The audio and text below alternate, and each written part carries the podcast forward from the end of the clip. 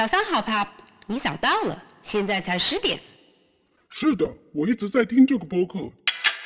嗨，我是康美国，你现在正在收听的是民间一面。想尝试一下其中的一些想法。哇，你在做什么？考试吗？嗯，当我构建代码的时候，我正在构建一些微测试，并且你什么？你是说写测试？当你构建代码的时候？你的意思是在构建代码之后，并且只有在 Spring 结束之前，还有一些时间？不，我是说在那之前我在写测试。它叫 TDD 和伙计，我听说过测试驱动的开发，这是一些很糟糕的东西。我有一本叫做 TDD 的书，我正在尝试中。你还记得计时掘金吗？会计，他的老板告诉整个团队，他们必须开始做这件事。他们都不知道，所以他们后来写了测试。我想他们做的还不够，因为他们还没有部署他们的应用程序。嗯，那个项目是一堆臭虫，所以是的，我试一试，以防我们的经理逼我们这么做。嗯，不可能。在那之后，公司里所有的其他经理都太害怕了。团队里没有人知道怎么做的时候，他们会期望什么呢？就是这样啊！你现在正在学习，所以他们可以让我们以后再做。伙计，我不知道，也许你最好不要这样，这样我们就能让工作还是一件美差。你知道吗？上一次 Spring，我花了大部分时间来追踪生产中的一个问题，一定是代码合并改变了处理程序的级别。是啊，真的是太烂了。但是大家都知道你需要解决这个问题。但我们不需要有这个问题。如果我们对所有新的代码更改执行了 TDD，我们将致力于添加新的功能，因为我们不会有 bug 了。算了吧，没有 bug。你见过这种事吗？永远没有 bug。我听到了，但是是的，我在其他公司的一些朋友每天都在发送新功能，他们只是不发送一些自动测试失败的东西。如果你做很多测试，那么你就不会有错误。有理有据，但是编写大量的自动化测试需要大量时间，不是吗？我的意思是说，这个早上你花了多久的时间呢？我打赌你现在已经完成了。是啊，我在学，哈哈。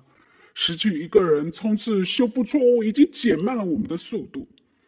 作者和这个敏捷思想播客都在说，许多开发人员在编写代码时花费了啊百分之五十或者更多的时间在调试器上跟踪问题。你猜对了，确认电脑才是用正确的方式运行的。完全正确。您正在手动对代码进行单元测试，您所做的确认将永远不会再运行。但是，嗯，听我说吧。但是，如果我们在编写代码时添加测试，就会捕捉开发人员的意图，这些微测试将被剪入并执行，以此永远防止代码倒退。嗯，坚持住，勇往直前。奖金时间快到了，你会在这个 TDD 上拿你的奖金冒险吗？得了吧，TDD 是不是花了你更长的时间来完成这个故事呢？好吧，是啊，我是觉得确实慢了点，这让我觉得好困难。如果你搞清楚了，你可以教我哦。至于我，我得去工作了。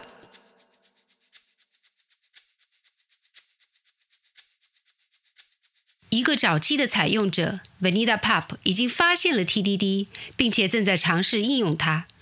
Kodak 只是一个恐惧不确定性和沮丧的来源。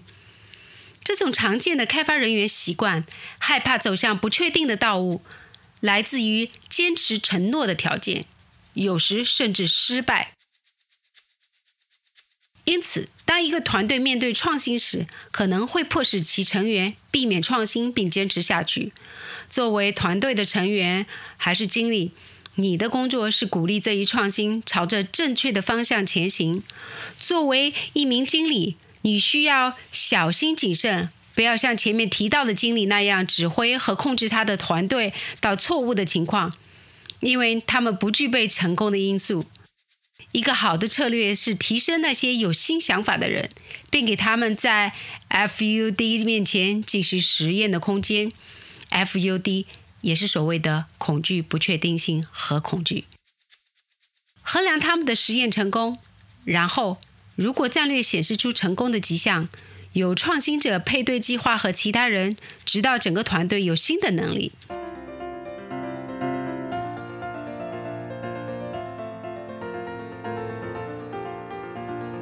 下一集我们将看到 Vanilla Pop 恐惧、不确定性和沮丧的表现。